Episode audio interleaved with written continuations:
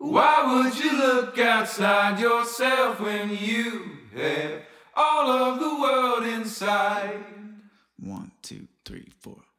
Hej og velkommen til samtale-podcasten Confus. I dagens afsnit, der har jeg inviteret Mads ind i studiet, og grunden til, at jeg netop har inviteret ham ind, det skyldes, at han for et par år siden stillede sig frem i medierne og fortalte om sin diagnose HIV. Og grunden til, at han tog det her valg om at være offentlig omkring denne diagnose, skyldes, at der findes en meget stor stigma i forhold til HIV, med at det er en øh, beskidt sygdom, det er en sygdom, man dør af, og det er en sygdom, som der skaber meget stor frygt i mange mennesker. Så grunden til, at han stiller sig frem, det er for at fortælle om, at jeg er en ganske almindelig mand. Jeg lever et ganske almindeligt liv. Og den eneste forskel fra mig og alle andre mennesker, det er, at jeg skal tage en lille bitte pille hver eneste morgen. Og så skal jeg gå til nogle check-up hos min læge. Udover det lever jeg et helt almindeligt liv. Hvilket jeg synes er rigtig fint, fordi det er netop den slags historier, vi har brug for. Det der med, at det er ikke noget invaliderende at få HIV. Det er ikke noget, der ødelægger dit liv. Det eneste forskel er, at du skal tage en lille pille. Og i vores samtale, der prøver vi også at øhm, finde frem til, hvad der er skyld i, at der er så mange mennesker, der forbinder den her sygdom med så forfærdelige ting. Og det vi så kommer frem til, det er, at vi binder det tilbage til 80'erne, hvor det var en utroligt farlig sygdom, fordi at folk de vidste ikke, hvad det var rigtigt. Fordi at folk, der fik HIV, de fik AIDS, og så døde de af det. Og i takt med, at der var sådan en kæmpe stor dødelighed omkring det, øh, og især i særdeleshed i, øh, i homo- og queer-miljøet, så var det, at, at medierne lavede overskriften homopesten, hvilket stadigvæk er noget, der sådan runger i internt i miljøet, og også til dels i omverdenen, vil jeg skyde på. Så det er det her med, at vi har brug for at, øh, at få de her fortællinger, så vi kan normalisere det, og fortælle verden, hey, der var en gang, at det blev kaldt for homopesten. Nu er det en sygdom, som man, mange, de, eller ikke mange, nogen får, og de lever ganske fint almindeligt liv. Så forbered jer på et virkelig dejligt afsnit, hvor jeg møder et rigtig varmt menneske, der fortæller om sin oplevelse med HIV. Hej, Halløj. øh, og velkommen til. Tusind tak. er du nervøs? Ja, en lille smule, men øh, vi tager det, som det kommer. Det er godt. Ja. Det er ikke sådan lidt farligt. Det er bare en ganske almindelig snak. Dejligt. Ja, jeg plejer at sige til alle folk derinde, hvor- når de bliver nervøse. Så bare sammenligne det med, når du sidder nede i byen og drikker nogle bajer og snakker med en eller anden stranger, hvor man kan snakke om alt muligt. Så falder det hele til jorden nu. Åh, oh, nej. Dammit. ja, men øh, jeg tænker, vil du ikke lige starte med at introducere dig selv jo. til lytterne? Jeps. Jeg hedder som sagt Mads, og jeg er 49, og øh, jeg fik en HIV-diagnose for fire år siden, øh, Ja. 12. september 2017. Mm-hmm. Øhm, arbejder det egentlig til, dag, til daglig som kok, øh, Ja. bor i Horsens, øh, har et helt almindeligt normalt liv. Ja, jeg har boet i Horsens hele liv. Øh, ikke hele livet. Jeg er født og opvokset, men har været væk fra Horsens i øh, nogle årrækker. Ja, hvor jeg blandt andet har boet i København i 10 år, og sådan. arbejdet på Rodos, den græske, i 6 måneder. Mm. Så øh, har prøvet det forskelligt. Ja, ej, Men øh, rykket tilbage til det jyske, øh, mest på grund af familie og så videre i den tid. Så, mm. så det var cool nok. Ja, ja. Det er da også dejligt at komme Ja. lidt væk Ja, hjemmefra for en periode. Jo, helt klart, men det går jo lidt stærkt derovre, så det er rart at komme herhjem, hvor man kan køre lidt ned i gear. Selvfølgelig. Ja, der er væsentligt mere ro på tempoet. Ja, ja, lige Når man præcis. kommer til lige, Horsens. Lige præcis, lige præcis jo. Så øh, ellers skal jeg ikke sige så meget andet, end jeg er meget almindelig, stille og rolig jo. Mm-hmm. Føler jeg selv. Ja, ja. Nogle andre siger nok noget andet, men øh, sådan er det jo. Ja. Øh, lige præcis. Så, Fantastisk. Men grunden til, at jeg har inviteret dig ind i studiet, er det er jo, som, som du også selv allerede har nævnt, at du har fået diagnosen HIV. ja. Og jeg fandt ud af det her, fordi for nogle år siden, der delte du en artikel på din Facebook-side. Og jeg mener, at det var TV Syd-artiklen. Det kan også godt være, at det var en anden artikel, du delte. Omkring, at du fik øh, diagnosen, og at du ønskede at stå frem med det Ja. til, for offentligheden. Ja. Og så her vil jeg gerne spørge dig om, hvorfor at du, gerne, du ønskede at være offentlig omkring det? Egentlig en af grundene til, at jeg blev spurgt om det i forbindelse med mit frivillige arbejde i AIDS-fondet, var Mhm. blandt andet, at øh, der stadigvæk er et stort tabu Mm-hmm. mm. omkring øh, at få en HIV-diagnose. Ja.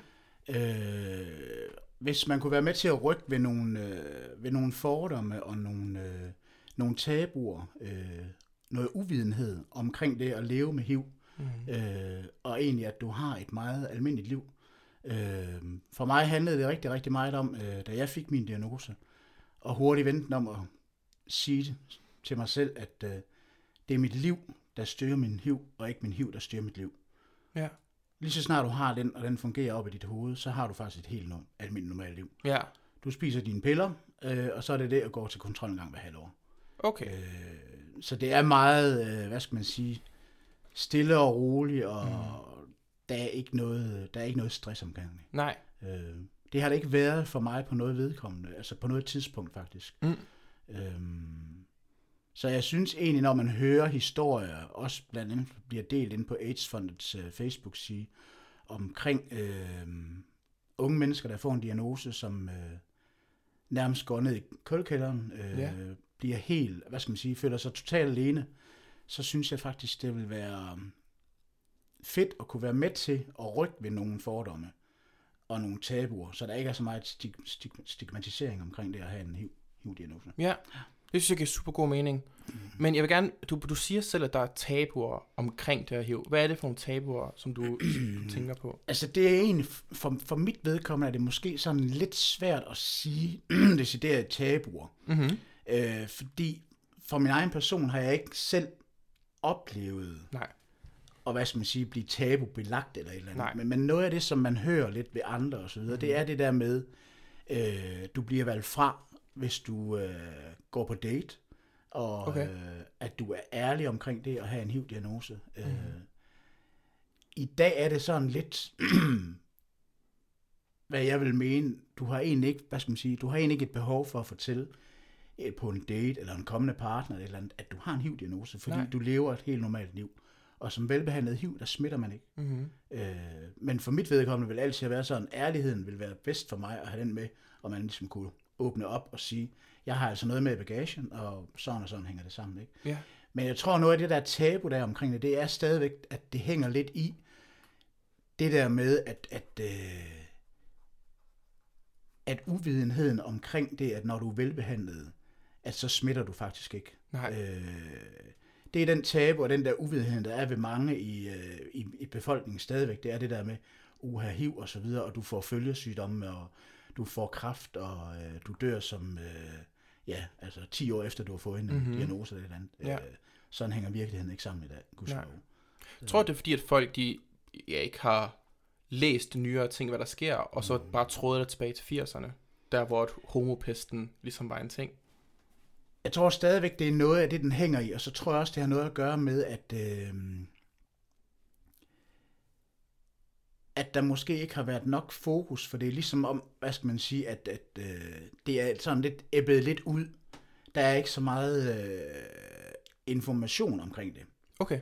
Øh, oplever jeg i hvert fald. Jeg ved, AIDS-fondet har en del øh, Mhm. mm. forskellige ting, hvor de ligesom gør det, at øh, stigmatiseringen skal ned under gulvtæppet, den skal fejes væk. Ikke? Mm. Øhm, men jeg tror, noget af det, der hænger i det, det er stadigvæk den der uvidenhed, hvor jeg selv oplevede dengang bøssepesten kom til, til Europa, til Danmark, Ja. øh, at folk de havde den uvidenhed med, at det smittede, hvis man drak altså samme glas, eller Ja. man måtte ikke give kram, eller Mm-hmm. øh, folk, der havde en HIV-diagnose, måtte ikke gå i svømmehallen, fordi via vandet smittede de alle de andre. Øh, og sådan nogle ting har der været meget, og det er, og, og det er jo sådan nogle, hvad skal man sige, nogle, nogle skræmme scenarier, Mm-hmm. som tit og ofte kan være svære og ligesom at få manet til jorden. Ja. Fordi lidt ligesom negativ, altså kritik, negativ kritik er altid sværere at lave om til positiv kritik. Helt sikkert. Øh, negativ kritik fylder 80%, resten 20%. Ja, Og er det kan vi jo bare se igennem vores nyheder. Ja, ja, lige præcis. At der, lige de, præcis. de positive, de får en meget, meget lille plads. Lige præcis. Fordi det ikke? andet, det er mere Øh, interessant for folk. Ja. Så det er sådan lidt, øh, øh, en af grundene til det her, det er jo også, øh, kan man være med til at give den positive feedback, eller hvad skal man sige, øh, oplevelse af nogen, som lever med det her, Mm-hmm. som egentlig har det okay, og lever et helt almindeligt, normalt liv. Ja. Øh, det, er, altså det er noget af det, som jeg synes kunne være rigtig, rigtig fedt at kunne, kunne være med til at gøre noget. Helt sikkert. Lige præcis. Det er mega fedt. Mm. Men du sagde selv, at du kan huske noget fra homopesten af. Hvor gammel var du, da det kom til Europa slash Danmark? Og altså, når jeg har kigget lidt efter sådan, nogle gange har jeg jo set, der, der, der var jo blandt andet en fed dokumentar, der hed, øh, Da døden kom til Madame Aitor. Øh, Okay.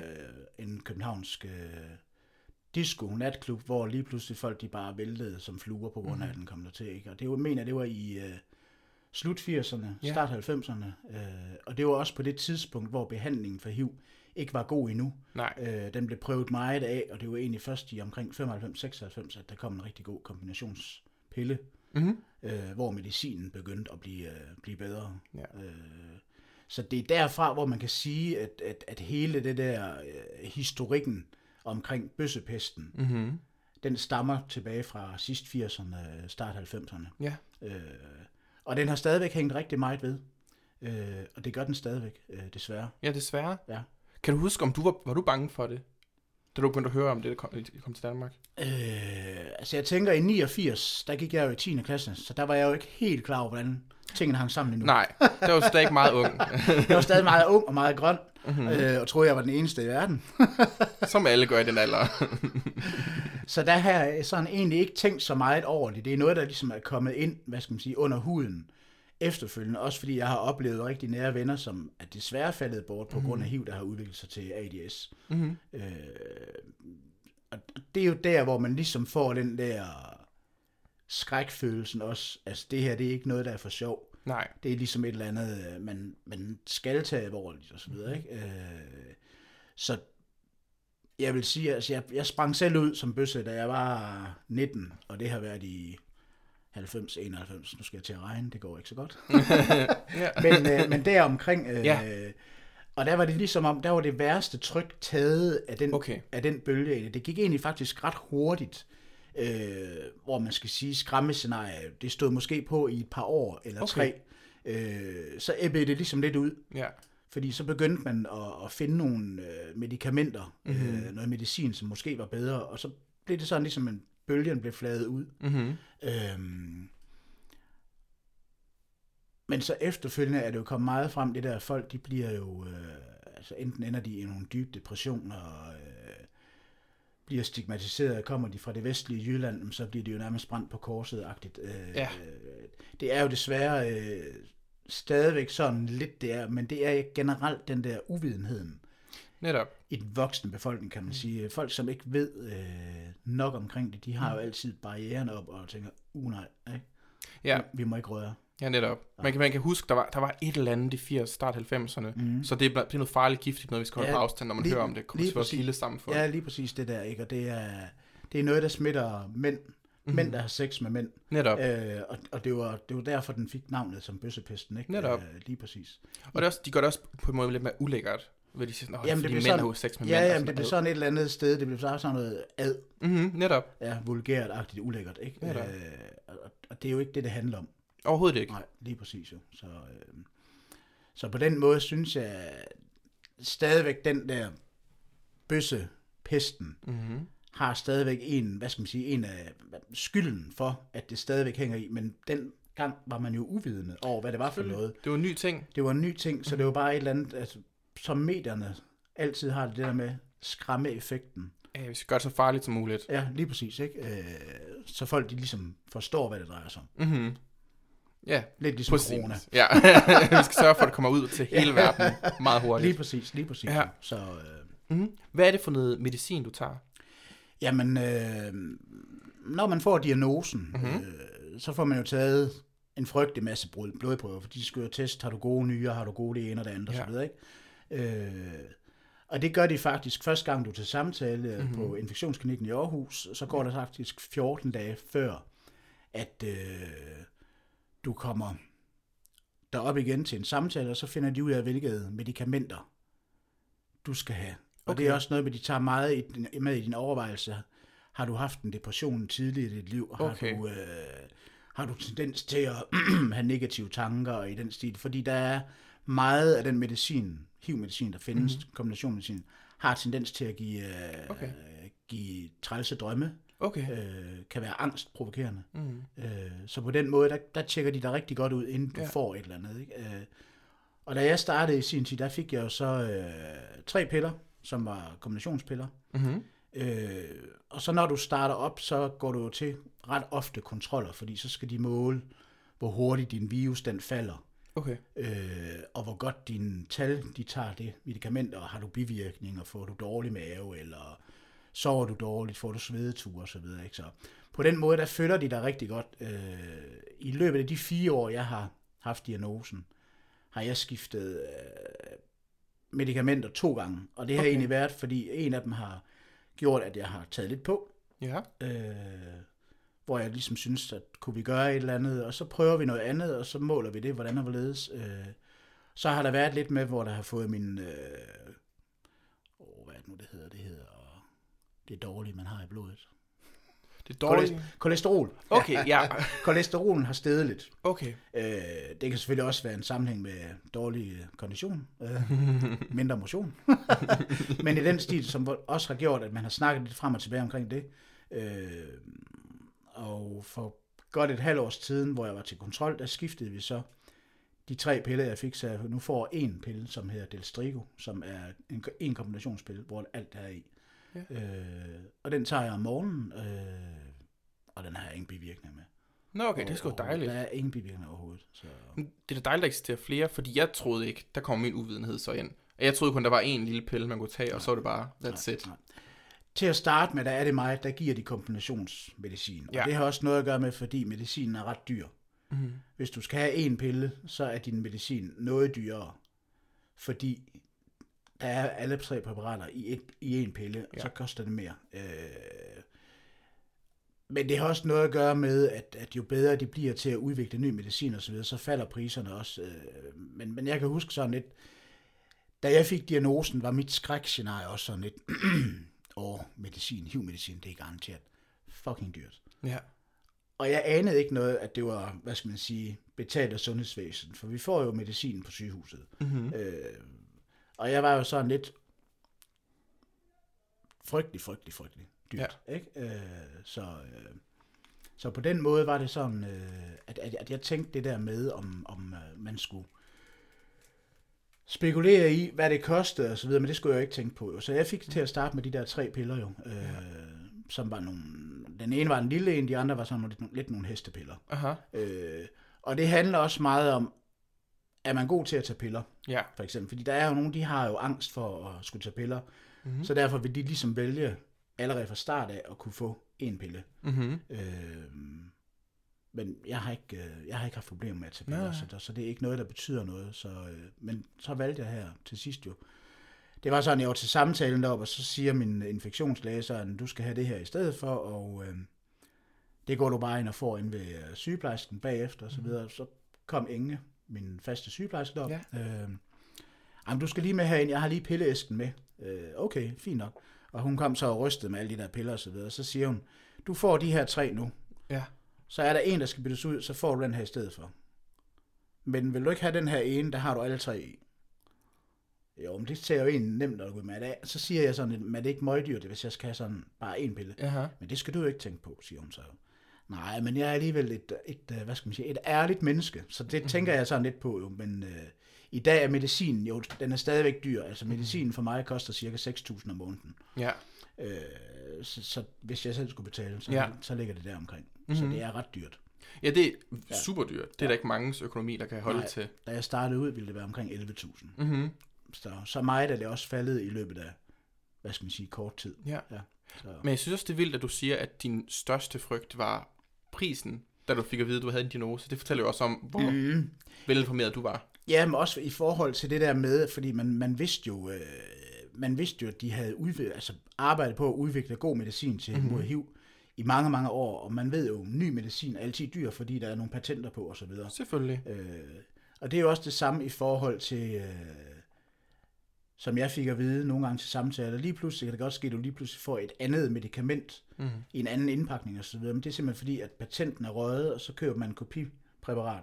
Men der er nøjagtigt de samme virkestoffer i, Ja. så det er ikke noget, du skal være bange for. Nej. Øh, fordi der er jo nogle gange, når man tænker sådan, åh, oh, det er ikke det, jeg plejer at få det der. Hvad er det, de giver mig? Mm-hmm. Øh, Ja, det ser anderledes ud, det her. det ser anderledes ud, Ja. ikke? Øh, men det har ikke, øh, det at skulle tage en pille, eller de piller, har ikke, mm. har ikke været noget, der er fyldt i mit liv som sådan. Det bliver bare en vane. Det bliver en vane, ikke? Ja. Øh, så øh, meget var det også førhen, altså da medicin var meget ny, så var det jo sådan meget med, der skulle man tage den meget kloksletagtigt og Ja. så videre, ikke? Og der var meget med, at du måtte ikke springe over, du skulle tage den hver dag og så videre, ikke? Øh, I dag der har du meget elastik i begge ender. Mm-hmm. Øh, glemmer du at tage pillen, skal du ikke gå helt i bananas. Okay. Øh, og faktisk har det været sådan for nogle år siden, hvis du skulle ud og rejse til nogle enkelte lande, var der steder, hvor du ikke måtte have din HIV-medicin med, ja. simpelthen øh, for, fordi det var noget medicin, der ikke var godkendt. Mm.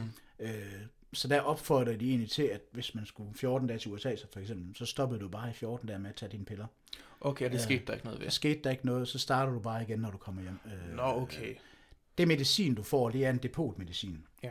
Og den oparbejder, oparbejder et depot. Øh, og det er så, når du bliver målt med din HIV-virus i blodet, så øh, hvis du er, hvad skal man sige, velbehandlet og ikke har noget virus i blodet, så ligger den under 20 kopier. Mm-hmm. Øh, den skal helt op over 4500 kopier i blodet, før du begynder at være smittebærer. Øh, Okay. Da jeg fik min diagno- diagnose, der var mine kopier næsten 800.000. Øh, så det siger meget om, hvad, Ja, ja, hvor voldsomt det er. Øh, jeg startede på medicin sidste september øh, ja. i 17. Okay. Allerede i midten af december 17, der havde jeg umåligt blod, altså der havde jeg ikke virus, måligt virus i kroppen. Så det går meget hurtigt, øh, og i dag er den er sindssygt effekt, Mm-hmm. effektfuld. Men det er også meget det der med, det handler også om, at øh, min fordel, hvis man kan sige det sådan, det var, at jeg fik en øh, primær reaktion, da jeg var blevet smittet, Okay. som gjorde, var, var noget, jeg gjorde, at jeg reagerede på. Øh, nogen får ikke en primær reaktion. Måske tror de bare, at de har en øh, Influenza. Altså, influenza, en Ja. hæftig influenza som de ikke gør noget ved, fordi det er sådan lidt, når du får viruset, Mm-hmm. øh, så går der, hvis du får en primær reaktion, så går der cirka en uge, maks 14 dage, Ja. før du får reaktionen. Øh, førhen gik der meget snakken om, at der ville gå op til 3-4 måneder, før du ligesom havde, og det hænger ikke helt sammen. Nej. Øh, Hvad var din øh, primære reaktion? Hvordan, hvordan mærkede du det? Jamen, jeg fik sådan faktisk, det var en sommerferie i august i 17. Øh, jeg havde sådan lidt, åh, skal jeg til at være sygagtig? Ondt i Ja. ondt i musklerne og så videre, Okay. ikke? Øh, og, og fik det egentlig sådan ret værre i løbet af aftenen. Øh, fik høj feber, som jeg ikke kunne slå ned. Ja. Øh, og så synes jeg sådan lidt, at jeg begyndte at være lidt ned. Øh, Mhm. mm-hmm. Og jeg har haft lungebetændelse en gang før, så jeg havde sådan lidt, ej, jeg ringer lige til vagtlægen. Mm. Øh, kom så også derud, og han siger sådan, "Jamen, du skal have noget penicillin, fordi jeg kan godt lytte, der er noget på din venstre lungeagtigt. Og jeg fik så penicillin, og den tog ikke den der øh, feber, så Nej. jeg, så jeg lå og rallede i en 4-5 dage, hvor jeg lå og svinge mellem 39 og 40 i feber. Og havde det rigtig, rigtig elendigt. Ja. Øh, og bestilte så en ekstra tid hos min egen læge, og Mhm. kom ned, og, og min gode læge, hun siger sådan, at jeg skal lige lytte lidt på dig, og så videre. Og så rykker jeg så op i blusen, og så siger hun så, hvad er det for noget udslæt, du har? Så siger jeg, "Jamen, jeg er nok ikke så god til penicillin. Så siger hun, nej, det er ikke det. Det er ikke det. Mm. Hvornår har vi taget en HIV-test på dig, siger hun så. Jamen, det gjorde vi i foråret, fordi jeg havde jo... Jeg havde en kammerat, som ringede til mig, som jeg havde hygget lidt med. Som, Ja. ved du, jeg har desværre fået en diagnose, så jeg synes, skulle blive testet. Ja. Øh, så der var ikke noget dengang der, ikke? Og så siger hun, at vi tager bare lige en for en sikkerheds skyld, og det gjorde vi så, og den viste så det, der kan være både en negativ og en positiv, Mm. hvor hun så ringer til mig, at øh, infektionsklinikken anbefaler, at du får taget en ny, øh, fordi den kan være misvisende, men Okay. i de fleste tilfælde er det en negativ test. Mm-hmm. Øh, så, så får man jo så bare taget en ekstra, og Ja. så hører man ikke lige noget fra sin læge i noget tid, og så siger jeg, jeg vil nok hellere lige ringe. Ja. Og så åbner man telefonen, så er der tre opkald fra ens læge. Øh, nå, okay. Det er nok vigtigt, det her. Det er nok vigtigt. Ja. Har du tid til at komme ned til os? Ja, ja, det gør jeg da. Ja. Så det var sådan lidt min indfaldsvinkel til, hvordan Mhm. jeg fik diagnosen. Øh, Hvordan reagerede du det øjeblik, du fik at vide, at du har HIV? øh, altså, jeg vil sige sådan, da jeg sad nede ved min egen læge, og vi sad og snakkede og så videre, ikke? øh, jeg kommer ind til hende, og hun siger så, ja, det er jo ikke så godt det her, men det er jo ikke noget, du dør af. Okay. sagde hun til mig. Mhm. Mm-hmm. Så siger jeg, nej, det ved jeg godt. Øh, Ja. Og så siger hun så bare sådan til mig, hvad skal du i morgen? Det er torsdag. Jamen, jeg har fri i morgen. Fedt, du skal på infektionsklinikken i Skyby. Okay. Så det var sådan, altså der var... Det går hurtigt alligevel. Altså tingene var sådan ligesom sat i værk, Mhm. mm-hmm. øh, og det var ikke noget med... Øh, min egen læge var egentlig ret velinformeret, men, men som hun også sagde, det var egentlig den første patient, jeg har i mit, øh, i mit regi, som har den her diagnose. Mm. Men hun var, hun var sindssygt god til at få det sat i værk og så videre. Ikke? Ja. Øh, hvor jeg så også bare sagde, at jeg tager til Skype i morgen, og så øh, tager vi den derfra. Mm. Øh, og hun har spurgt lidt ind til, når jeg har været dernede med andre ting eller et eller andet, hvordan går det med det og så videre. Ikke? Ja, ja. Øh, ikke, ikke, er ikke uvidende, eller hvad skal man sige, eller Jeg prøver at holde lidt på afstand. og sådan afstand lige ja. præcis, nej. Så det, så det har været, altså det, det har også været en rigtig, rigtig god oplevelse for mig. Og det er jo også det, som jeg kan høre på nogle andre, som jeg kender, som har nogle måske gamle forstokkede mm-hmm. læger, Ja. som måske ikke er, er fuldt med Mm-hmm. med at videreuddanne sig eller ja. info og så videre, ikke? øh, som slet ikke øh, vidste, hvad de skulle gøre, da de fik af deres patienter, Ja. som lige pludselig sagde, åh, det ved jeg ikke, hvad gør vi her? Ja. Agtigt. Og så er det sådan lidt, så bliver man jo som patient, så bliver man sådan lidt Mm. angst. Ja, man bliver Fordi utilpas i situationen. Utilpas i lidt. situationen, fordi det der med, at du ved ikke... Øh, Hvis lægen reagerer sådan her, så må der, er der nok noget om snakken. Ja, ja, lige præcis. Ikke? Så for mit vedkommende havde jeg en fantastisk indgangsvinkel, både mm-hmm. til min egen praktiserende læge, men også til infektionsklinikken i Skyby. Ja. Øh, jeg kan huske, da jeg var deroppe den torsdag øh, og kom ind, øh, de var meget, meget nede på jorden. Altså Inge Bossen var min første, Okay. øh, som er min faste sygeplejerske, Mm. som er nede på jorden, og hun var den første, der havde samtalen med og så videre. Ikke? Øh, Og de spørger sådan bare ind til, jamen, hvordan har du det, og har du nogen anelse om, hvor du har det fra, og så videre. Ja. Ikke? Øh, For jeg kan huske, en af mine første ting, jeg tænkte på, det var et eller andet sted, hvor fanden har jeg fået det hen fra? Fordi Mhm. mm-hmm. jeg vidste, jeg havde været ude at lave lidt, men jeg vidste også, at vi havde brugt gummi. Ja. Øh, så det var sådan et eller andet sted, og jeg begyndte at tænke længere tilbage, Så, hvor langt kan spore det her tilbage Ja. her? hvor min læge så siger til mig, du har fået en primær, min egen praktiserende læge siger til mig, du har fået en primær reaktion. Du skal ikke tænke mere tilbage, end måske lige i slutningen af juli, okay. eller starten af august. Ja. Og så begynder man jo sådan lidt at tænke, åh, hvad har jeg lavet? Mm-hmm. Har jeg været fuld, eller et eller andet? Mhm. Ja, ja. Øh, Og min første, hvad skal man sige, tanke også, det var bare, fuck, hvis jeg har givet det her videre, uden at vide det. Ja, ja, netop. Øh, det er jo også, det, altså det er jo sådan en, hvad skal man sige, en skræmmetanke for mig. Hvis jeg har givet det her videre, uden at vide det, Mhm. mm-hmm. det vil jeg have det sindssygt dårligt. Ja. Øh, Ja. så, øh, men ellers så er det, altså det fungerede helt nede på jorden, og de har været fantastiske i Skyby. Mhm. Og er stadigvæk fantastiske deroppe. Det er da godt. Ja. Det er ret nok, at man kan have et godt samarbejde med læger og sådan noget. Jo, jo, lige præcis. For det kan nemt være meget intimiderende at skulle ind, okay, nu skal jeg ind til lægerne. Ja, men også det der med et eller andet sted medicin, og mm. man er angst, og ser de bare på en som nummer og så videre. Ikke? Mhm. Øh, Jeg kan jo huske, i forbindelse med, at jeg fik min diagnose, så valgte jeg jo også at gå ind i et øh, projekt, forskningsprojekt, Ja. fordi i Skyby, der har de jo en ret stor forskningsafdeling, Mhm. øh, hvor jeg gik ind i et projekt, hvor jeg skulle, du kommer ind i sådan, hvad skal man sige, et, et lotteri, hvor Ja. det bliver randomiseret Okay. til, om du får den ene, eller den anden, eller den tredje behandling. Okay. Og det kan du så ikke vælge selv. Mm. Øh, hvor det så faldt ud på hos mig, det var, at jeg skulle øh, have en mild form for kemo Okay. over tre uger, en gang om ugen, simpelthen fordi det skal booste alle dine celler. Og så vil man prøve på den måde, som ligesom at se, dine celler de bliver vækket til live, for det er noget med HIV, HIV-celler, de, de falder jo lidt til hvile jo. Mm. Øh, de bliver blusset op, og så den medicin, du får, ville man have håbet på at kunne dræbe det hele, så du bliver virusfri nærmest, ikke? Ja. Øh, og det var jeg så med i at blive taget godt om hånd og så videre, ikke? Og jeg kan huske øh, Inge Bossen på en tidspunkt, jeg var oppe, jeg kan ikke huske, om det var en første eller anden gang af den der kemo, jeg skulle have. Øh, hun kom op, så smider hun sådan et postkort. Øh, jeg havde lige besøg af Niels fra AIDS-fonden i København her forleden. De er ved at stable sådan noget workshop Lissabon på, øh, på benene. Mm-hmm. Nå, men hvad er det for noget? Jamen, du kan læse lidt om det, hvis, når du har tid og så videre. Ikke? Og så siger jeg, jamen, den ryger nok lige derhjem, fordi der er rigtig meget om ørerne nu også.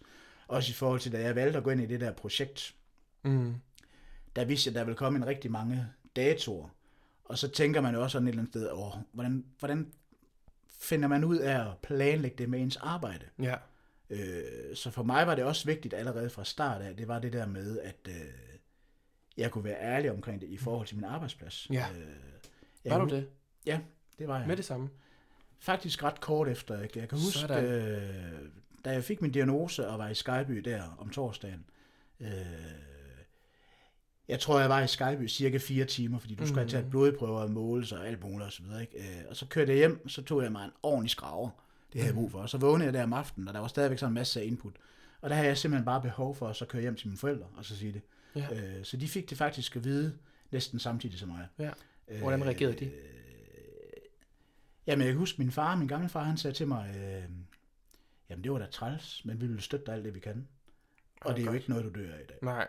Øh, og det er jo sådan et eller andet sted, det er jo sådan en, en ting, at de sagde det, Mm. var ret fedt, fordi det er jo en generation, som ikke har haft den, hvad skal man sige, under huden, Netop. enten det, de har hørt i medierne i 80'erne, øh, 90'erne, ikke? Mhm. Øh, Så det var sådan en ret stor backup, og ligesom også, der var bare lidt ligesom en sten, der egentlig faldt fra hjertet, Forståeligt nok. ligesom dengang man sprang ud. Ja, ja, netop. Ja, Altså, ja. åh, der er forståelse ja, for lige, det. lige præcis. Det er ikke så farligt alligevel. Ja, og det var egentlig ret fedt jo. Øh, og så kan jeg huske, der gik, øh, jeg tror det gik en lille uges tid, efter jeg havde fået min diagnose, og Mhm. egentlig før jeg skulle begynde på min medicin, Ja.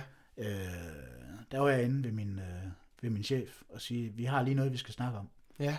Hvor jeg så bare ligesom sagde, altså jeg har fået en diagnose, øh, sådan og sådan og sådan, og jeg har valgt at gå ind i et projekt, som kræver, at jeg skal have nogle datoer, hvor jeg skal til noget. Jamen fair nok, det må vi finde ud af. Men det var da også træls for dig. Agtigt. Nå, Øh, hold op, det er meget nede på jorden. Meget, meget, meget, meget nede på jorden. Der var Ja. ikke noget, øh, men, men jeg arbejdede på en efterskole på det Mhm. mm-hmm. tidspunkt, ikke? Øh, og der havde vi en lidt øh, ældre og forstokket forstander, Okay. som var meget sådan i ugen, om vi skal have fat i embedslægen og levensmiddel, for hvad nu hvis Mads han skærer sig, og smitter han så noget, og i den stil. Ja. Så det var sådan lidt, hvad skal man sige, uvidenheden Mhm. mm-hmm. i omkring, hvad det er og så videre, ikke? Øh, det var den første, hvad skal man sige, og eneste gang, jeg egentlig har haft den der med uvidenheden, mm. og, øh, og lidt tabu og lidt fordomme ja. og så videre, ikke? Hvordan reagerede du i den situation? Jamen, det var sådan egentlig noget først, jeg sådan ligesom hørte lidt senere, Okay. gennem min køkkenchef. Mm, Der okay. sagde sådan og sådan og sådan, ikke? Øh, hvor jeg tænkte bare, mm, stakkel sammen. Ja, ja, det var Ja. en skam. Ja, ja, og så grinte jeg lidt af det. Ja, ja. Ja. Øh, jeg tog det ikke på mig, Mm-mm. fordi det, øh, altså, jeg avler ikke negativ energi, det gider jeg ikke bruge tid på. Det synes jeg er Ja. fantastisk at have det på den måde. Øh, Så det er jo sådan et andet sted, fordi det er jo, det er jo, altså det er jo noget, jeg går med, og det er Mhm. jo noget, der er en del af mit liv jo. Ja, ja, Øh, netop.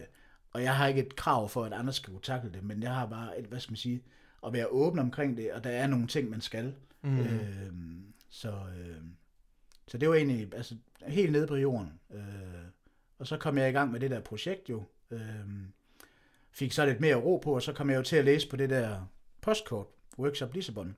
Ja. Øh, og det var jo så AIDS-fondet, som havde ville prøve at samle en gruppe Ja. af mænd, der har sex med mænd, som Mhm. mm. lever med HIV, Ja. som er nyligt smittet, og som har haft det i nogle år, og så videre. Mm-hmm. Og det var egentlig, de, de ville sætte en gruppe sammen på 15-20 Ja. fra det jyske, og fra Fyn, og fra Okay. Sjælland. Og så samle sådan en workshop, og så skulle vi øh, fire dage til Lissabon. Øh, med. AIDS-fondet og alt Ja, betalt. Øh, Sådan. og jeg tænkte sådan, ah, der kommer jeg, der kommer jeg ikke i betragtning og så videre. Men jeg ringede jo så til ham Niels der, der skrev en mail til, tror jeg. Mhm. Øh, og der gik så lidt tid, så kom der en mail retur fra Niels af, øh, og så ringede han. Og vi snakkede sådan lidt frem og tilbage, øh, og jeg sagde sådan, jeg synes faktisk, det lyder ret interessant. Øh, så øh, om jeg kan være med til at give noget i forhold til de andre, der kommer med, fordi Mhm. mm-hmm. jeg, lærer, jeg har valgt at være åben omkring det Ja, ja. og have det så frit med min diagnose. Jo, øh.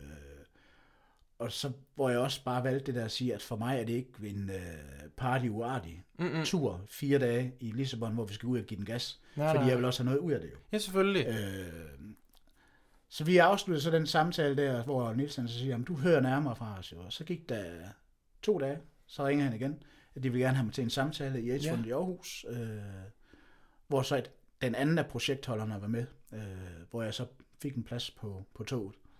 Øh, det var ret fedt, men det var Ja. også ret, øh, ikke grænseoverskridende, men det var ret skræmmende, fordi der var nogle af de andre deltagere, hvor ramte de var Mm-hmm. i forhold til det at få en diagnose. Øh, Altså sådan psykisk ramte. Både psykisk ramte, øh, den ene var muslim, Okay, ja. ja. som ikke var sprunget ud. Så er kultur hjemme. også, der presser ned over. Kultur, der bare sådan noget, Ja. du har en øh, muslimsk baggrund, mm-hmm. du Mhm. er ikke sprunget ud, og så har du en HIV-diagnose. Ja, det gør det absolut ikke nemt. Nej, det er ikke en nej. god kombi. Ja, øh, jeg vil sige sådan, det er den måde, vi fik præget Aha. den unge gut der, til at ligesom at se lyst på livet, og tage nogle skridt i forhold til at måske skifte lidt familien i et halvt års tid, Mm-hmm. så de har ligesom, hvad skal man sige, noget råderum og noget luftrum til at tænke tanken til det der, og så videre, ikke? Øh, han blev en helt anden person. Ja.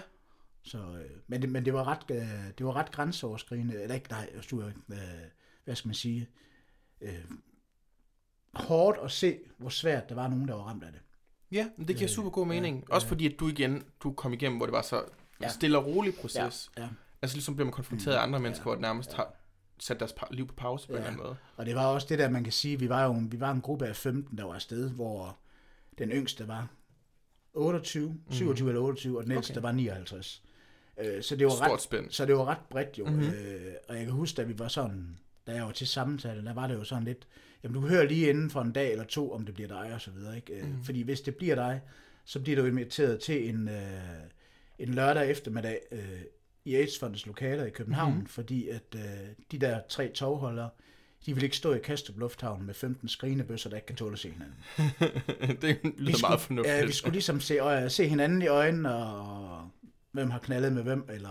Ja, kender vi hinanden Ja, igen? ja, kender vi hinanden, ikke? Ved, Ja. miljøet det er et lille miljø jo. En lille indspist miljø. Så Lige præcis, ikke? Så det var sådan, det gav god mening. Øh, og også dengang vi så mødtes i, i København der i Ja. november, øh, der var vi jo... Alle var ligesom lidt nervøse for, da de trådte ind og mm-hmm. kender vi hinanden? ja, Kender man hinanden fra miljøet af? Ja. Har vi festet? Ikke? Mm-hmm. Har, vi, øh, har vi datet eller et eller Ja, andet? Ikke? Øh, så på den måde, men alle var, var vidt forskellige, og ja.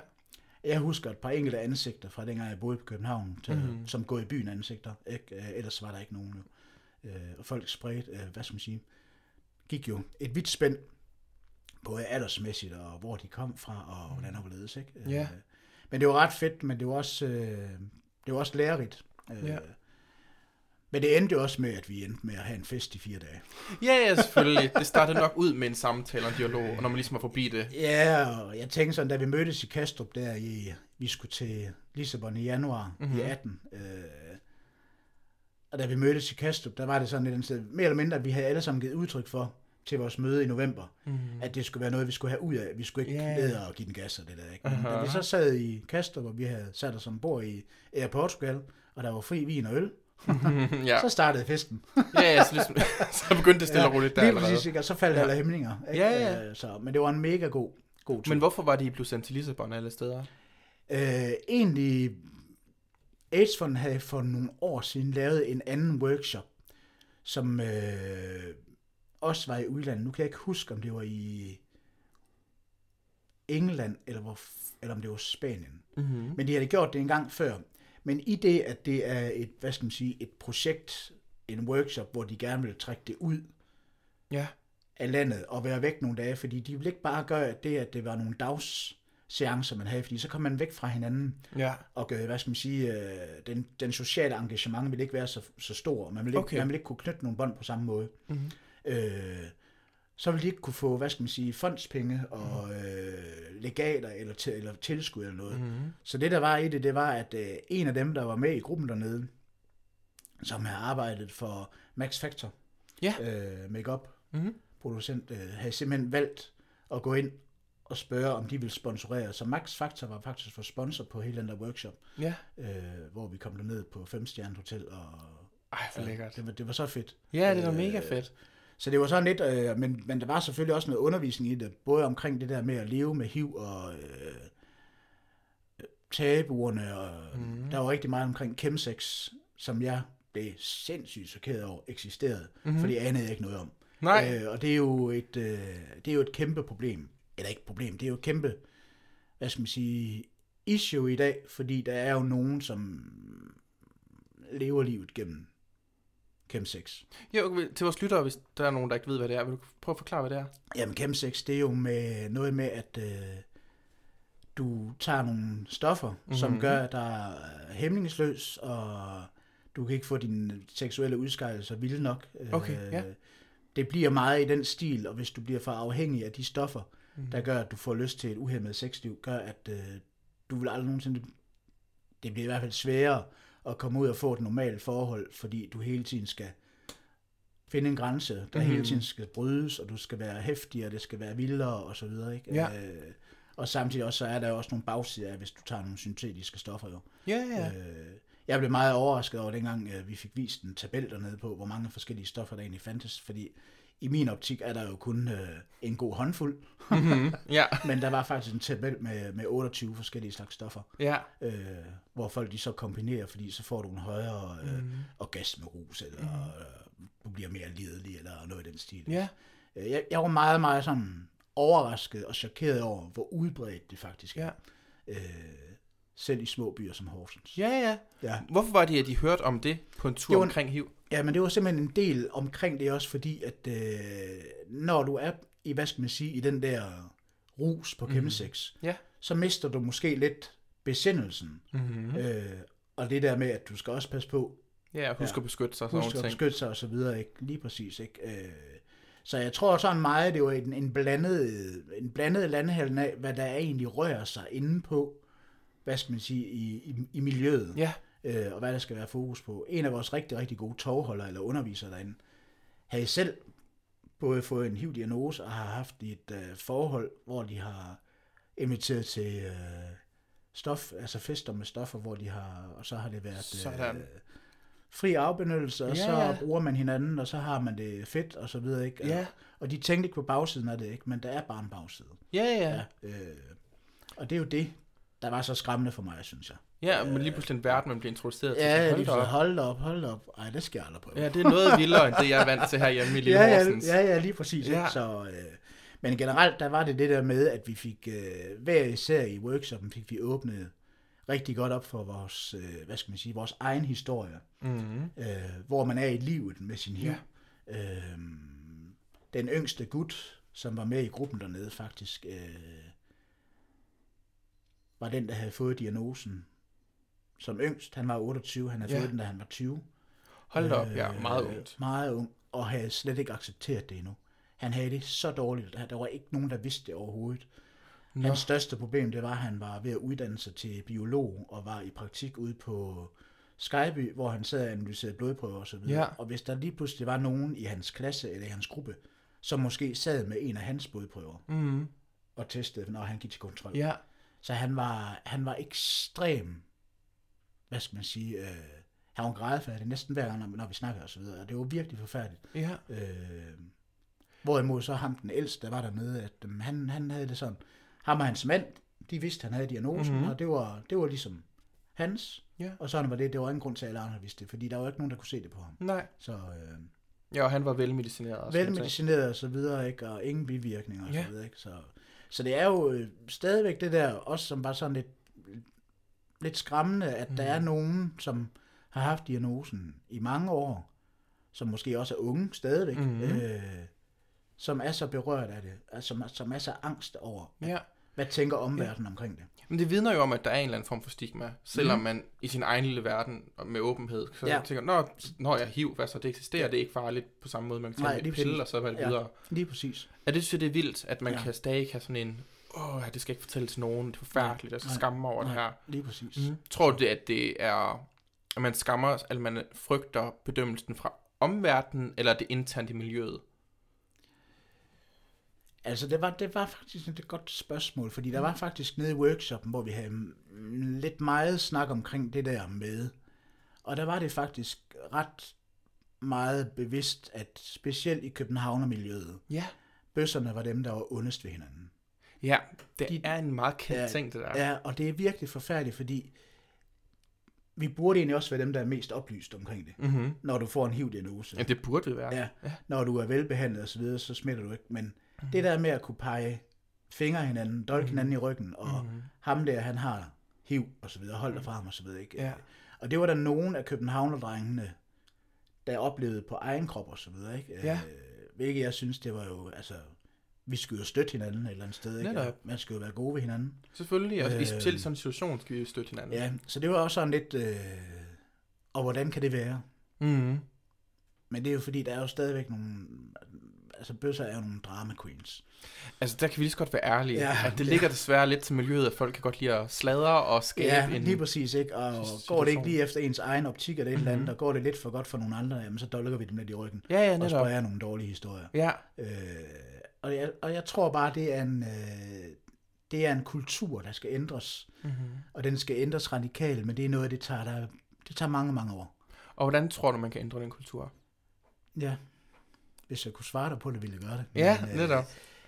Altså, for mig, altså, man, hvis man kan sige sådan i forhold til det med, med HIV og så videre, Mhm. mm-hmm. der handler det meget om det der med, kan man være åben omkring det? Kan man Ja. snakke om det og så videre? Ikke? Kan man tage ud i en forsamling og fortælle, fortælle sin historie? Ja. Øh, kan det være med til at gøre noget? Mhm. Øh, og det vil det måske kunne, Men stadigvæk er der jo, hvad skal man sige, de der brødne kar, som nyder at have noget at Ja. sumpe rundt i. Mm-hmm. Øh, og, og jeg, tror, det er svært, men jeg tror godt, det kan lykkes. Ja. Øh, og jeg tror også, AIDS-fondet, øh, øh, de, de gør en stor kamp omkring det, og mm. har startet nogle nye tiltag og så videre. Ja. Ja, altså den eneste løsning, jeg umiddelbart på nuværende tidspunkt kan se, det er det der med, det handler om, at folk skal stå frem og sige, det er ikke farligt, man kan have et ganske almindeligt liv, og hvor det ikke påvirker ens hverdag, man er ikke ja. syg, og man får ikke lige pludselig andet. Nej. Så altså, jeg tror, det handler om det, at man skal skabe sådan en form af, at det er sådan, jamen det er bare en sygdom, ja. Ja. som nogen får, ja. Ja. og så lever de med den. De dør ikke af den.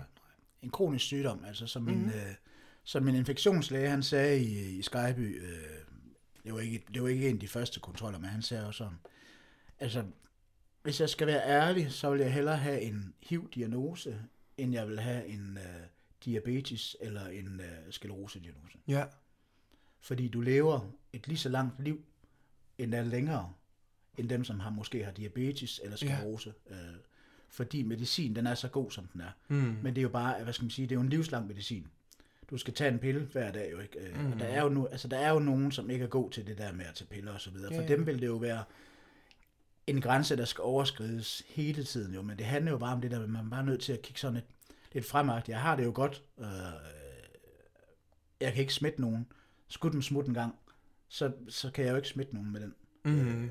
Og desværre er det jo også sådan lidt, i, hvad skal man sige, i, i, øh, i miljøet blandt de unge, Mm-hmm. at flere og flere vil jo gerne droppe kondomet. Ja. Ja, og have usikker sex, eller hvad skal man sige, Mhm. mm-hmm. øh, fri sex, ikke? Men der er altså også nogle andre ting, som er lidt mere gustne end HIV. Ja, Ja, helt sikkert. helt sikkert. Øh, Der er nogle andre, folk de glemmer lidt, at der også eksisterer andre, og det er jo i høj grad kommet til den her endnu mere frihed omkring at have sex uden kondom, mm. i takt med at PrEP er blevet en del af Ja. kulturen. Ja. Hvilket jo er et medicament, som bliver brugt for at undgå at få HIV. ja, lige præcis. Ikke? Så nu hvor man kan undgå den, den store farlige Den sygdom, store farlige sygdom, lige præcis. så, er sådan, "Nå, så er det lige meget med, at vi Ja, kan få ja. gonoré og hvad det nu ellers er. ting. syfilis og klamydia og... Alle de der andre ting. Ja, netop. Ja. Så der er en større ting med, at Ja.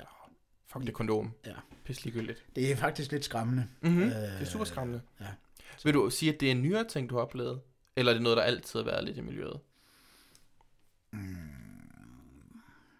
Jeg tror sådan lidt, det, er- det er en nyere ting øh, blandt de unge, Okay.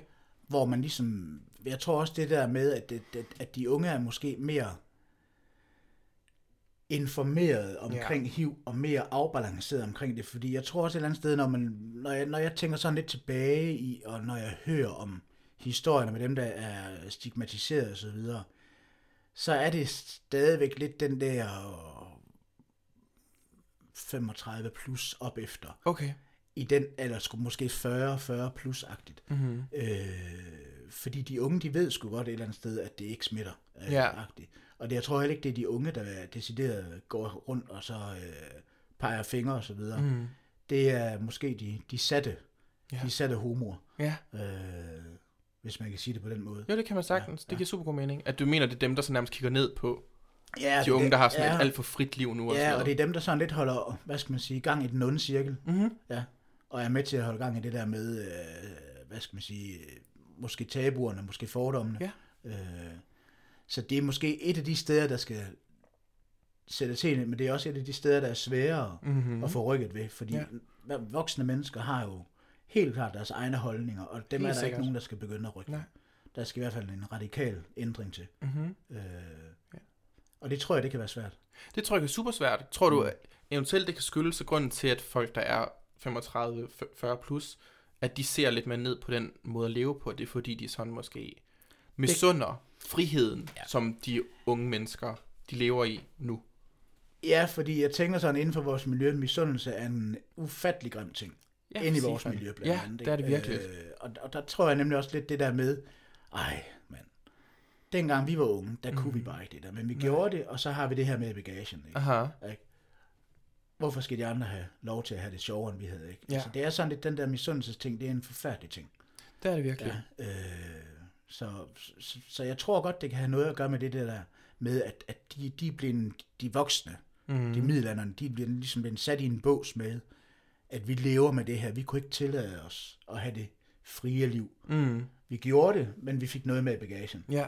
Øh, Det gør de andre ikke. Ikke på samme måde, fordi de ligesom har den der i baghovedet vi dør ikke af det. Vi får måske en diagnose, men der bliver taget godt hånd om os, og vi får vores piller, og vi får til kontrol og så videre. Ikke? Ja. Øh, I den stil. Det tror jeg, øh, så, så, så helt klart, det er en, øh, det er en kulturændring, og mm-hmm. det, er, øh, det er det voksne publikum, man skal rykke fat i, og ligesom sige A eller B.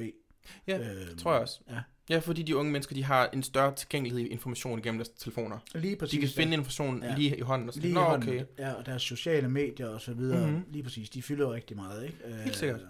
Så det er meget nemmere, Mhm. mm-hmm. øhm, tænker jeg. Ja, Mm. jeg vil, øh, tidligere i vores samtale, der nævnte du, at dit da- datingliv meget kort. Ja. Øh, er, det, er det noget, der på- påvirker dit datingliv, det her med at have HIV? Er der nogen, der sådan sætter hænderne op, sådan, nej, det er ikke noget for mig, det her. Kun én gang har jeg Mhm. faktisk oplevet det. Okay. Øh, hvor jeg var på date med en fyr fra Silkeborg af. Øh, Mhm. mm-hmm. Altså en rigtig sød fyr. Øh, og vi øh, havde en god, altså en god aften. Vi hyggede os og, og snakkede om alt muligt og så videre. Ikke? Og på daværende tidspunkt vidste han ikke noget. Jo. Mm-hmm. Øh, og så kan jeg huske, at vi sov sammen, vi lavede ingenting. Mm-hmm. Øh, så næste morgen til morgenmad, så sidder vi så og spiser morgenmad, og jeg siger så til den der fyr, der er faktisk også noget, jeg gerne vil fortælle dig, og det er jeg nødt til at sige nu, fordi hvis vi skal bygge videre på det her, eller ses igen, så vil jeg have det bedst, men du ved det, at jeg har altså en HIV-diagnose, øh, men jeg er velbehandlet, så jeg smitter ikke. Øh, og der kunne man godt mm, ligesom se, der kom sådan lige, øh, ikke, at han, ikke at han trak sig, men, men øjnene blev lidt større. Ja, Altså, der var sådan et eller andet, det- var lige en, der skulle fordøjes, sagt. ja, ja, det var, uh, det var en stor nyhed. jeg Ja, det var sådan lige, øh, åh her, det ved Ja. jeg ikke lige helt, om jeg kan takle, eller hvordan og hvorledes. Aha. Og det kunne han så heller ikke. Nej. Og hvordan fik du så en besked, da du var taget hjem, eller hvad? Ja, at det fyldte for mig. Okay, det var ikke noget, han kunne Nej, håndtere. Der gik sådan et par dage, og så videre, ikke, så fik jeg en sms. Øh, Mhm. Det med, at du sagde det der, at du er super fedt, du er ærlig og så videre, øh, men det fylder for meget Mhm. til, at jeg kan noget. Ja. Øh, måske på sigt og så videre, ikke, øh, hvor jeg så bare siger, jamen, du skal være velkommen til at kontakte mig igen, eller mm-hmm. et eller andet, ikke? Øh, men øh, hørte så aldrig noget fra fyren. Mhm. Nej. Altså. Og det er også, det er fair nok, det er en ærlig sag. Ja. Øh, men for mig handler det meget om det der med, når jeg, hvis jeg er på en date, Mm-hmm. øh, og man kan mærke, at der er en god kemi, eller et Ja, andet, man ja. måske gerne vil se fyren igen, eller et andet, ikke? Mhm. så for mig er det vigtigt at sige, jeg har altså noget med bagagen, jeg tager en pille hver morgen, og det er fordi, jeg har en HIV. Ja, ja. Øh, kan du sluge det, eller kan du ikke sluge det? Ja. ja. Altså, Mm-hmm. Ja. jeg forstår, hvad du mener. Jeg forstår, hvad du mener. godt. Hvordan Øh, påvirkede det dig? Er du Øh, ked af, at det var det, Nej, jeg blev, egentlig ikke, jeg blev egentlig ikke ked af det. Jeg blev sådan faktisk lidt... Øh, øh, ikke, ikke på min egen vegne, men jeg blev lidt ked af det på hans vegne. Okay. Fordi jeg tænker et eller andet sted, øh, måske uvidenheden? Mm-hmm. fylder måske for meget for ham. Ja. Øh, og måske nogle historier, han har et eller andet sted fra, at det er uha farligt og så videre. Mhm. Mm-hmm. Øh, for mit vedkommende er det sådan, hvis man kommer længere i en, i en, en, en datingproces og så videre, Mhm. mm-hmm. og man begynder at få nogle følelser for hinanden, og det så er det, der skal vippe det Ja. til den negative side, så vil jeg nok blive ked af det. Mhm. Fordi man ligesom åbner sit hjerte jo. Man åbner op og fortæller, hvad man har af hemmeligheder. Ikke? Ja, helt sikkert. Øh, så vil jeg måske røre mig lidt, men, men øh, i, i bund og grund i det, at jeg selv føler, at jeg ret hurtigt i forbindelse med en date er ærlig, så når man heller ikke helt at connecte og slå gnister Nej. før. Så, så, så, den, så er det nemmere et eller andet sted at sige, "Nå, okay, fair nok. Ja. Ja. Heller at den sluttede nu, end Ja, at det var noget at komme ind, hvor det blev Ja, hvor det blev reelt øh, lige præcis, ikke? Mhm. Mm-hmm. hvor vi begynder at være glade for hinanden. Ikke? Det giver Øh, super god ja. mening. Så, øh, Ja. men, men der er det jo faktisk, jeg kan huske også tilbage fra workshoppen, hvor ja. en af vores undervisere sagde dernede også, det der med, når du har en HIV-diagnose, Mm-hmm. og du er velbehandlet, og du går ud og knaller Mhm. mm-hmm. i et one-night stand, og har ubeskyttet sex, du behøver faktisk ikke sige noget, Nej, fordi du smitter ikke. nej. Øh, og det var sådan, det kan jeg huske, det, det rørt, altså det, der var nogen, der blev sådan lidt, det kan man ikke. Øh, og det satte nogle tanker i gang ved mig et eller andet Mhm. sted, fordi hvis jeg, hvis, hvis jeg har røget ud og har lavet noget sjovt eller andet på en one night, så har jeg altid rullet et eller andet på Mm-hmm. Lille Life. Ja. ja, ja. Har du haft sådan en indre dialog om, bør man fortælle det til en one-nighter, at, hey, by the way, jeg har sgu Nej, det har jeg Nej. ikke. Det har jeg faktisk ikke, fordi jeg tænker et eller andet sted, hvis det er en one-nighter, og man beskytter sig, så har jeg ikke nogen behov, behov Nej, for nej. et eller andet sted. Øh, Men hvad nu, hvis man ikke havde beskyttet sig? Hvis du nu havde været en upser? hvis det havde været en upser, Ja. øhm, hvis man ikke har fået det sagt før Mm-hmm. seancen går i gang, Mm-hmm. så vil jeg sige det. Hvorfor? For du føler, du skylder det? Øh, tålmodighed, Okay. eller hvad skal man sige, min, min, min skyldfølelse. Okay, Ja. Et eller andet sted, et eller andet, for, hvad skal man sige, bryde barrieren Mhm. mm. et eller andet sted. I stedet for, at man måske skulle have stukket i fjeset 14 dage efter. Sådan. Jeg har lige hørt ude i byen, du har faktisk hiv, hvorfor sagde du ikke noget? Ja. Øh, Okay. Så på den måde vil jeg måske som person Mm-hmm. selv sige det. Jeg, jeg, jeg føler ikke, at, hvad skal man sige, at, at det er et krav eller et eller Nej. andet. Men øh, som person vil jeg nok bare have det bedst med at gøre det. Ja, ja, det giver ja. super god mening. Ja. Ja. Men der skal man også bare huske på det der med, at, at det skal ikke være et, et must. Nej, at man skal fortælle det. Nej, nej, Åh, oh, undskyld, jeg har Ja. egentlig hiv. Jeg har et kort her. Ja, sådan lige, nu skal jeg lige vise det frem, jeg har egentlig hiv, så du lige ved det. Ja, det gør ikke nogen forskel, men Nej, hey, nej, du nej. skal lige vide det. Lige præcis. Mhm. Mm-hmm. Okay. Så nej, for mig der er det ikke, øh, der er det mere den der, altså, at have ryggraden fri, friagtigt. et Ja, eller andet det giver ikke? super god Ja, mening. Så, Ja, ja. Der er også sådan noget med, med dating apps og sådan noget. Nu har jeg, er jeg jo en af de få, der aldrig har været på en dating app, mm, fordi jeg for før den tid, at, at det var en ting. Så der var det også, at der er jo noget med, med Grindr, der kan man øh, skrive, at man er har Ja. diagnosen, Ja. og, eller man er medicineret, og Mm. hvor man tester ja, sidst. ja. Hvordan har du det med det felt, med at man kan fortælle folk? Øh, jeg vil sige det sådan faktisk, jeg har en grinder-profil. Mhm. Øh, og hvis jeg skal være ærlig, kan jeg faktisk ikke huske, hvordan den er sat op nu. Men jeg har haft øh, skrevet i den, at det har været positiv undetectable. Ja. Øh, og der har jeg egentlig ikke oplevet, hvad skal man sige, noget negativt Nej. som sådan. Mm-hmm. Måske er jeg blevet valgt fra ved nogen, ja. fordi der står det. Øh, der er også nogen, hvor man begynder at chatte lidt derinde og så videre, og så, hvis det ligesom udvikler sig, og så, oh, by the way, jeg kan se, du er positiv. Og så spørger de lidt ind til, hvordan og hvorledes, øh, Ja, og om du smitter, og du smitter ikke, og alt det der, ikke? Øh, Og så er det faktisk lidt sjovt, fordi så kan man nogle gange have en ret god dialog, hvor nogen Ja. måske kan få en øjenåbner Ja. ved, okay, jamen hvordan kan det lade sig gøre? Jamen det er faktisk ret, ret simpelt. Ja. Øh, og så er det fedt at kunne have et link Mm-hmm. til et eller andet med AIDS-fundet. Prøv lige at tjekke det her link ud. Mm-hmm. Øh, så det synes jeg egentlig, det er ret cool. Øh, Helt sikkert, det er det i hvert fald. der er ikke nogen, som... Jeg har ikke oplevet, sådan, hvad skal man sige, blive blokeret. Altså, jeg kan selvfølgelig ikke sige, at jeg kan blive blokeret på grund af det. Det, aner man jo ikke. Nej, det er svært. Nej, lige præcis ikke. Men jeg har ikke... Øh, jeg har ikke verbalt blevet, øh, hvad skal man sige, sorteret fra Nej. på grund af det. Det er da også rart nok. Jo, jo, det er fint nok. Mhm. Mm-hmm. Ja, så det er også derfor et eller andet sted, HIV fyld, fylder ikke så meget i mit liv. Nej. Øh, jeg tager min pille, og, Mm. og det er det. Ja. Jeg tænker vildt vildt ikke over det. Men det synes jeg bare er dejligt at høre. Ja. Jamen, Så. Jeg synes, det er rart at høre, at det er så en lille bitte ting i ens liv. Sådan, og sådan, når jeg mm. bare mindt om det en gang imellem. Så når ja, jeg har lige hiv. præcis, lige præcis. Ikke? Altså, jeg skal til min kontroller en gang hver Ja, halvår. Øh, faktisk kun en gang om året er jeg afsted nu, øh, fordi Ja. mine tal er så fine. Så, Ej, hvor lækkert. ja. Og Det er er, så fedt. Ja, det er mega fedt. Mm. Og så er jeg bare oppe og hente medicin en gang hver halvår. Der kommer jeg jo afsted med en hel rejsetaske nærmest. Ja, sådan. Vi nærmer os egentlig også øhm, slutningen på dagens. Ja. afsnit.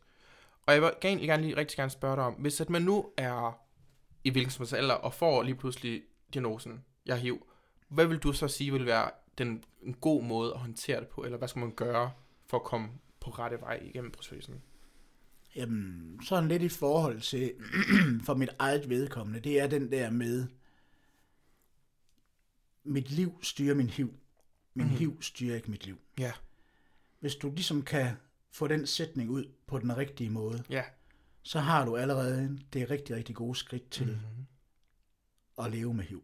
Helt sikkert. Øh, det er, altså det er, det er en sætning, som jeg har brugt ret meget, og jeg har brugt den faktisk ret hurtigt. Øh, jeg lever med hiv. Min hiv lever ikke med mig. Øh, fordi hvis du har den der med, åh, oh, det er min hiv, der styrer mit liv, så skal du hele tiden have fokus på hiv, hiv, hiv, hiv, hiv. Ja, det bliver en alt for stor del Det er ens alt, alt for stor del, ikke? Ja, det giver det er så bare mening. ikke nogen særlig stor del, Mm-mm. ikke? Øh, Ja. Jeg synes, det er rigtig godt at, at sige, at det er et godt mantra at leve efter. Ja. Altså med tiden, i takt med, at Ja. man siger det sig selv, Ja. så bliver det også mindre og mindre. Ja, ja, lige præcis, lige præcis. Ikke? Ja. Øh, og det er også det, altså mit, mit, mit bedste bud, mit bedste råd til en, som får diagnosen, som Mhm. mm. bliver slået fuldstændig ud af kurs, det er, find nogen at snakke med om det. Ja. Og der er ingen, der hverken slår dig ned, eller slår hånden af dig, eller ikke kan lide dig, på grund af, at du er i dag. Ja. Øh, det, det, det er mit største råd. Fordi man har også behov for at snakke om det.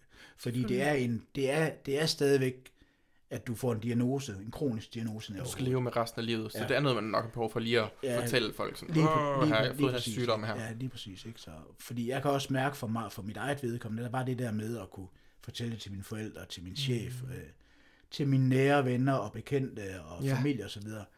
ret hurtigt. Gjorde faktisk også bare, at det blev meget mere hverdag. Ja, Øh, så det giver super god mening. Mhm. Og som det sidste spørgsmål, der stiller jeg alle mine gæster det samme. Ja. Sådan, hvad er øhm, ordet eller overskriften, der kan sådan indramme ens liv? Så hvad er din overskrift så? livet med HIV. Livet med HIV? Ja. Mm? Det synes jeg, det er rigtig fint. Det, det rammer også godt, det her afsnit Mm, her. ja. Livet med HIV, så det kommer nok også til at hedde. Ja, Øh, fantastisk. Så med de her ord, der vil jeg gerne sige tusind tak, for at du var med i podcasten. selv tak. Det var en uh, fornøjelse. Nå, Det er jeg glad for at høre. Det er jeg rigtig Godt. glad for at høre. Super.